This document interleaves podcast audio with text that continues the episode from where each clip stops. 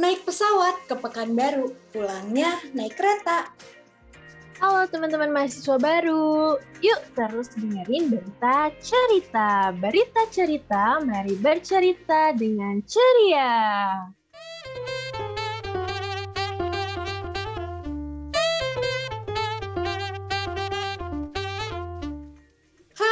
Kema Mipa, waduh udah masuk semester baru aja nih ya kita. Tentunya harus tetap semangat ya. Kema Mipa, jangan lemes-lemes. Harus semangat baru di semester barunya ini. Oh iya, ketemu lagi nih sama aku Caca dari FMIPA 2019 dan tentunya partner aku. Halo Kema, aku Ibet dari FMIPA 2020. Wah, asik nih ya. Kita ketemu lagi buat ngobrol-ngobrol dan membahas jawaban dari pertanyaan yang sudah ditanyakan oleh Kema MIPA 2021. Bener banget nih, Caca. Kali ini nih kita bakal ngobrol-ngobrol sama teman-teman dari Aktuaria atau HIMAKTU, Himpunan Mahasiswa Aktuaria. Bisa dilihat juga sih, kita bisa lihat ya, Caca di sini Akang Tetenya udah sangat-sangat gak sabar banget nih ngobrol-ngobrol dan jawab-jawab pertanyaan tentang Himaktu dari teman-teman mahasiswa baru. Wah, iya nih. Pasti jawabannya ditunggu-tunggu nih ya. So, langsung aja yuk. Karena sekarang kita udah ditemenin bintang tamu dua orang penting di Himaktu yang cantik dan juga ganteng nih. Siapa lagi kalau bukan Kang Fadil dan Teh Ivana. Halo. Halo. Hai Caca, hai Bet. Halo Kang Fadil dan Teh Ivana. Boleh yuk kenal-kenalan dulu nih sama teman-teman MIPA mahasiswa baru 2021. Boleh, boleh banget, boleh banget. Halo semuanya, halo pendengar podcast. Kenalin nama gue Fadil Taufik Rohman. Gue biasa dipanggil Fadil dan gue tepatnya dari jurusan Ilmu Aktuaria angkatan 2019. Nah, gue alhamdulillah diamanahkan menjadi ketua himpunan mahasiswa ilmu aktuaria Kabinet Sinergia. Salam kenal semuanya. Boleh nih ada Ivana partner gue, silakan Van. Boleh. Halo teman-teman Kema, kenalin nama aku Ivana. Aku dari Ilmu Aktuaria angkatan 2019 juga dan tahun ini puji Tuhan aku diamanahin jadi wakil ketua himpunan mahasiswa aktuaria eh, Kabinet Sinergia, teman-teman. Halo. Halo, wow, kita langsung nih ditemenin oleh ketua dan wakil ketua himpunan dari Himaktu Kabinet Sinergia. Oke deh, kayaknya teman-teman udah nggak sabar banget nih ya denger jawaban-jawaban dari Kang Fadil dan juga Teh Ivana. Kita langsung ke pertanyaan pertama. Belajar di aktuaria UNPAD tuh susah nggak sih? Terus apa aja yang harus dipersiapkan agar bisa survive di aktuaria nih? Silahkan boleh langsung. Boleh, mungkin dari aku dulu kali ya yang jawab. Um, belajar di aktuaria UNPAD itu kalau dibilang susah, susah teman-teman, susah banget. Karena ke depannya uh, apa ya proyeksi pekerjaan yang diekspektasin buat teman-teman mahasiswa aktuaria tuh lumayan keren. Jadi uh, ya berbanding lurus lah ya dengan sekerennya pekerjaan yang ke depan itu lumayan susah juga gitu ilmunya. Tapi tapi uh, yang harus dipersiapkan itu adalah relasi kalian sama teman-teman. Banyak banget loh bantuan-bantuan yang bisa kalian dapetin dari teman-teman kalian. Uh, kalian bisa belajar bareng. Uh, dosen-dosen juga sangat mendukung uh, akademik kalian tuh dimudahkan gitu teman-teman. Jadi memang susah tapi bakal ada jalannya gitu pas masuk di aktor unpad Mungkin Kang Fadil mau menambahkan? Oke, Ivana kayaknya jujur banget ya, susah gitu. Kalau gue mau menambahkan sama, susah. Gue juga kesulitan nggak tahu ya untuk teman-teman yang lain gitu ya. Tapi gue merasakan sulitnya belajar di aktuaria. Mungkin nggak cuma di aktuaria Unpad, tapi di aktuaria-aktuaria lain gitu. Kenapa susah? Karena pertama mental breakdown duluan sih karena melihat keprofesiannya panjang ya harus mengikuti beberapa mata ujian baru bisa menjadi seorang aktuaris. Dari situ udah ngedown. Ditambah lagi perhitungannya yang luar biasa membingungkan apalagi saat online ini udah makin amburadul nih ya. Otak-otak kita udah makin amburadul. Tapi yang harus dipersiapkan setuju juga nih sama Ivana koneksi karena dengan koneksi kesempatan kita untuk berpaling dari aktuaris kita bisa jadi dapat job lain dari koneksi-koneksi kita. Jadi saran gua nih untuk yang ngedengerin ini, kalau kalian males belajar atau nggak kuat sama pelajaran kalian, carilah koneksi. Gitu. Wow, ternyata uh, yang harus dipersiapkan banget-banget itu adalah koneksi ya teman-teman. Semoga nanti ketika teman-teman masuk ke aktuaria atau himaktu ini, teman-teman bisa mendapatkan banyak koneksi. Nih Kang Teh ngomong-ngomong tadi kan kayaknya teman-teman ini ada yang ini nih sambil kerja gitu dari Akang Teteh, kira-kira punya tips gak sih buat mahasiswa, terutama di aktuaria, biar bisa membagi waktu kuliahnya sambil kerja? Gimana tuh Kang Teh? Oke, ini sorry ya kalau gua ada suara kereta. Tips agar kita bisa membagi waktu kuliah. Menurut gue, untuk membagi waktu pastikan dulu kita mau ngelakuin apa aja gitu. Kalau gue sendiri gue membagi waktu menjadi ke beberapa bagian. Ini gue tahu dari postingan Instagram di uh, search gue katanya tuh kalau pagi hari itu waktu kita me time kayak lu olahraga gitu-gitu main HP gitu katanya gitu. Terus dari ya jam kuliah lah jam kuliah kan sampai sore. Nah itu waktunya lu kuliah gitu. Jadi lu belajar di situ. Sore baru lu ngerjain hasil lu atau sampingan lu gitu. Kalau lu punya bisnis, lu sore di bisnis gitu sampai malam. Nah malamnya baru gua di organisasi karena waktu organisasi itu pasti rapatnya tuh malam gitu. Jadi kurang lebih seperti itu. Atau tips lainnya adalah jangan ngambil banyak-banyak, jangan greedy gitu aja sih. Ya empat empat kegiatan berbeda menurut gua, menurut gua berdasarkan salah satu postingan Instagram. Cek aja lah pokoknya di daily daily life gitu yang banyak quotes quotesnya lu pasti bisa nemuin gitu. Mungkin Ivana nih mau nambahin soalnya Ivana salah satu uh, idaman gue banget nih dalam hal kesibukan ya sangat inspiring juga Ivana. Boleh Van? Um, kalau dari aku pertama kalian harus kenalin diri dulu. Kalian tuh orangnya bisa multitasking atau enggak? Uh, kalian mau enggak meresikokan akademik kalian dengan eh, kegiatan-kegiatan selain akademik gitu. Dan kalian tuh orangnya seperti apa gitu. Kalau misalnya tadi kata Kang Fadil kan uh, malam rapat gitu, habis itu sore-sore misalnya ngurus bisnis. Nah, kira-kira kalian capek nggak kalau misalnya kalian kayak gitu? Coba dipertimbangin. Nah, kalau misalnya enggak dan uh, kalian punya banyak kegiatan dalam satu hari, aku mau saranin suatu uh, apa ya, kayak uh, cara itu namanya time blocking. Jadi kan punya Google Calendar kan. Nah, Google Calendar itu bisa banget digunain buat time blocking. Jadi misalnya uh, kalian bisa uh, nge-highlight misalnya dari jam 9 sampai jam 10 ada kelas gitu. Nanti jam 10 sampai jam 12 ada rapat. Uh, terus nanti saya digitu-gituin semua, jadi bisa kelihatan waktu-waktu kosong kalian tuh ada di jam berapa sampai jam berapa. Itu bisa manage waktu kalian buat uh, kalian organisasi, kerja, magang, semuanya bisa di-manage dengan baik. Gitu. Jadi pelan-pelan aja, pelan-pelan gitu. Dan ya semoga bisa gitu ya membagi waktu kuliah. Keren banget emang udah ada yang kerja. Saya sedikit insecure ya teman-teman, tapi tidak apa-apa. Tidak apa-apa. Oh, oh, ada yang mau ditambahin lagi? Mau ditambahin lagi sama Kang Fadil. Tadi inspiring banget ya teman-teman semua kita bisa dengar dari Ivana katanya ada time blocking gitu. Uh, mungkin Ivana kenapa gue jadi yang host ya? Padahal tadi gue kayak soal pengen ngobrol tapi gue kayak wawancara Ivana ya ulang, ulang, ulang. Gak apa-apa sih, padahal kan gak apa-apa banget. Lanjut, lanjut, lanjut. Uh, eh, uh, eh, gue sangat terinspirasi banget selama gue partneran sama Ivana. Kayak gue dapet insight tentang time blocking dan lain-lain lah. Kayak journaling juga. Ivana ngajarin gue tentang journaling gitu. Gue pengen tahu emangnya Ivana nih sibuk apa sih gitu sampai akhirnya kepikiran gitu untuk ngelakuin hal-hal kayak gitu. Oh iya, terima kasih atas pertanyaan Kang Fadil. Oh iya, makasih Kang Fadil pertanyaannya. Kebetulan aku sekarang sibuk organisasi. Organisasi. Kalau Kang Fadil kan banyak ya kesibukannya dia punya bisnis, punya organisasi juga. Ada magang juga teman-teman. Emang harusnya inspirasi dari dia, tapi nggak apa-apa. Kita lempar-lempar aja. Uh, iya, jadi aku sibuk organisasi yang kurang lebih uh, memakan waktu di malam hari gitu. Kebanyakan rapat-rapatnya ada di malam hari. Makanya kalau misalnya kita pakai time blocking itu biasanya kelihatan tuh di malam-malam uh, kita harus sekecil kayak tidur jam berapa atau kayak mandi malam jam berapa tuh bisa sangat kelihatan gitu dengan kita pakai time blocking. Jadi uh, ya jadi kurang lebih malam itu sangat sangat sibuk gitu. Kalau misalnya siang-siang mah sibuknya kelas.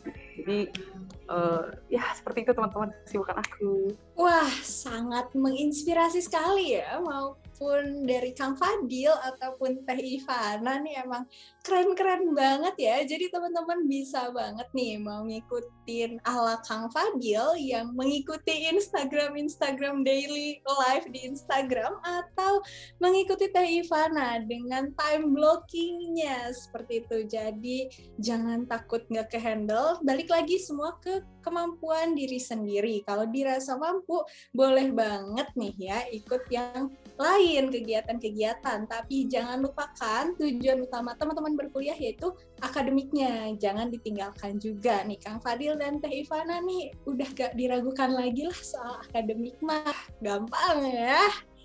Oke, kita lanjut sepertinya ya, karena tadi udah ngebahasnya agak meluas ya mengenai uh, pekerjaan, magang, dan lain-lain, kita balik lagi nih. Selain di akademik, di Himaktu itu mendukung apa aja sih untuk mahasiswanya? Berarti selain ke akademik nih ya, ada apa aja di Himaktu nih? Boleh langsung aja. Oke, makasih Caca. Di Himaktu nge-support apa aja sih selain akademik? Pada intinya di Himaktu itu kami akan nge-research dulu potensi apa yang warga himpunan kami miliki gitu Contohnya ketika baru ada angkatan 18 dan mostly angkatan 18 lebih fokus kepada akademik, maka yang kami fokuskan di akademik. Nah, ketika ada angkatan 2020, angkatan terbaru di tahun lalu, ternyata banyak yang gemar e-sports. Nah, ketika kami tahu dari himpunan tahu banyak yang suka e-sports, maka kami akan support, kami akan carikan lomba, kami akan push teman-teman untuk sering mengikuti lomba hingga di tahun ini uh, teman-teman Himak tuh menjadi perwakilan Forsi dari FMIPA di cabang e-sportsnya gitu. Jadi ada juga yang bisa menyanyi. Kami jadikan penyanyi himne untuk himne Himaktu gitu. Jadi balik lagi ke apa yang teman-teman miliki, teman-teman bisa kabarin Himaktu, nanti kami akan support apa pun itu. Gitu. Mungkin Ivana mau menambahkan nih. Menurut lu gimana? Oke, okay, kalau dari aku, uh, mungkin yang bisa banget dikembangkan di waktu itu selain akademik adalah soft skill nih teman-teman kayak leadership atau gimana cara kita manage waktu. Nah, itu bisa banget diaplikasiin langsung dengan kalian join organisasi. Organisasi paling deket di atau paling apa ya? Ada di lingkungan waktu tuh adalah BE gitu, ada badan eksekutif yang sekarang ini aku dan Fadil sedang uh, jalankan gitu teman-teman. Di situ kita bisa banget mengasah kemampuan soft skill kita uh, dengan kita mengembangkan pro program kerja program kerja terus kita bisa kerjasama dengan orang-orang lain uh, dan membangun suatu organisasi. Itu benar-benar keren banget gitu. Jadi selain akademik kita juga bisa mengembangkan soft skill gitu teman-teman. Wow, ternyata di Himaktu baik hard skill, akademik, dan juga tadi soft skill benar-benar difasilitasi banget ya sama teman-teman yang ada di Himaktu. Jadi teman-teman mahasiswa baru jangan khawatir, bener yang tadi kata Kang Fadil, kalau misalnya kalian tertarik sama suatu skill, bisa bilang langsung aja ke Himaktu, eh, Kang, kan tadi boleh bilang nih ke Himaktu. Berarti uh, teman-teman di sini perlu tahu dong kan ke mana aja sih uh, teman-teman Himaktu ini bisa bilang Berarti kan teman-teman bisa ngecek-ngecek nih atau stalking-stalking official account yang ada di Maktu. Boleh nih Kang Fadil dan Teh Ivana ngasih tahu nih ada official account apa aja. Oke, untuk sosial media yang Himaktu punya, tahun ini Himaktu ada official account lain yang nge-provide informasi seputar lomba dan juga info-info internal. Terus juga kami ada sosial media Instagram yang memberikan informasi kepada society mengenai edukasi maupun non edukasi. Kami juga ngasih informasi seputar webinar yang Himaktu sediakan dan juga postingan mengenai aktuaria dan lain sebagainya. Teman-teman bisa cek di sosial media Instagram.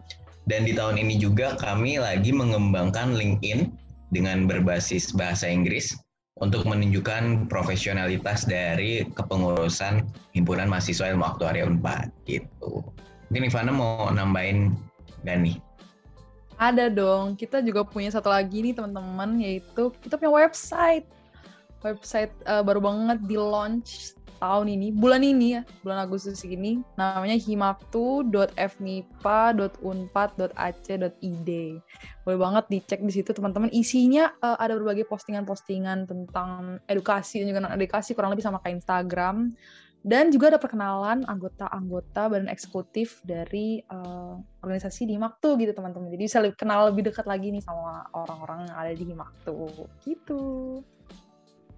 Nah untuk Instagramnya sendiri teman-teman bisa cek di @himaktu.unpad dan untuk LinkedIn-nya sendiri teman-teman bisa search Himpunan Mahasiswa Aktuaria Universitas Pajajaran.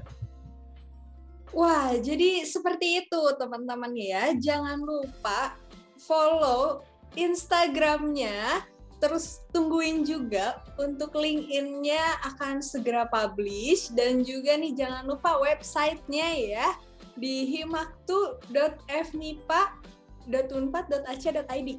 Iya, bener banget. Dan untuk Instagramnya himaktu.unpad, teman-teman ya. Jangan lupa sekarang langsung pergi ke kolom search dan langsung klik follow dan juga boleh banget buat scroll-scroll feeds-nya seperti itu untuk mendapatkan informasi lebih banyak dan untuk lebih dekat dan lebih mengenal lagi dengan Himaktu nih. Oke okay deh, setelah tadi kita bertukar info sambil cerita-cerita tentang banyak hal seputar jurusan aktuaria dan Himaktu dari mulai tips-tips yang harus disiapkan agar bisa survive di aktuaria. Terus juga banyak sekali tips agar dapat membagi waktu gitu ya selama perkuliahan nih dari Kang Fadil dan juga Teh Ivana memberikan banyak banget tips keren-keren juga. Terus juga tadi selain di akademik Himak tuh mendukung apa lagi nih untuk mahasiswanya juga udah disebutkan termasuk official accountnya juga yang tadi super duper keren juga. Jangan lupa aku ingetin lagi buat teman-teman segera follow, segera lihat websitenya biar mengenal lebih dekat lagi dengan Himaktu. Oke, semoga Kemanipa selalu menjaga kesehatannya di kala pandemi ini dan kita semua juga diberi kesempatan untuk bertemu saat offline nanti. Sekali lagi, selamat untuk keluarga baru yang sudah berhasil masuk FMIPA Unpad. Yeay, selamat teman-teman. Dan kita juga mau ngucapin nih terima kasih sebanyak-banyaknya kepada Kang Fadil dan juga Teh Ivana yang udah mau nyempetin waktunya untuk nemenin kita berdua dan teman-teman mahasiswa baru 2021 hari ini. Boleh nih buat Kang Fadil dan Teh Ivana sampai ini sepatah dua patah kata buat teman-teman mahasiswa baru 2021. Boleh dong. Um, sepatah dua patah kata untuk tahun 2021 ya. Uh, teman-teman aktu angkatan 2021 tuh oke mak kema 2021 uh, tetap semangat biarpun online kita semua nggak ada yang tahu uh, kapan selesainya pandemi tapi uh, tetap semangat karena uh, kalau misalnya kita nggak semangat apalagi online gini pasti bosen dan berakibat ke kita nggak belajar gitu teman kita nggak jadi semangat belajar terus uh, selain itu selain semangat belajar, kita juga harus ngembangin diri kita dengan ah, meningkatkan soft skill, bisa dengan join organisasi, atau kita bisa tadi magang atau kerja, dan lain-lain sebagainya. Tetap semangat teman-teman semua. Sepatah dua patah kata dari gue untuk Kema MIPA angkatan 2021. Jangan pernah meremehkan IPK. Walaupun banyak yang bilang IPK nggak penting, tapi bagi gue IPK itu penting. Saat masuk kerja itu penting juga. Yang kedua nggak apa-apa untuk nggak ngikutin arus sungai. Kalau lu mau di luar sungai juga nggak masalah. Dan explore apa yang belum kalian explore. Kalau dulu kalian di SMA udah sering organisasi coba yang lain. Ikutin lomba atau banyakin magang bisnis jangan terlalu fokus dalam satu hal sehingga kalian nggak explore banyak hal. Dan yang terakhir, ketika kalian nggak ngikutin arus, jangan merasa apa yang kalian pilih itu nggak baik buat diri kalian. Jadi tetap yakin sama apa yang kalian lakuin. Dan jangan insecure. itu aja dari gue untuk sepatah dua patah katanya buat teman-teman kayak Mami Pak. Tolong diresapi, di, dihayati baik-baik. Itu aja dari kakek. Sekian. Oke deh, Kang Fadil dan Teh Ivana. Keren-keren banget tadi pesan-pesannya buat teman-teman 2021. Oke, dan kita juga nggak lupa nih mau berterima kasih yang banyak juga nih buat teman-teman yang udah dengerin podcast kali ini dan udah ngikutin dari awal sampai akhir. Dan jangan lupa juga ya buat follow Instagram dan juga Spotify kita di @beritacerita05 dan pantau terus ya So, see you on next episode, teman-teman MIPA. Berita cerita, mari bercerita dengan ceria.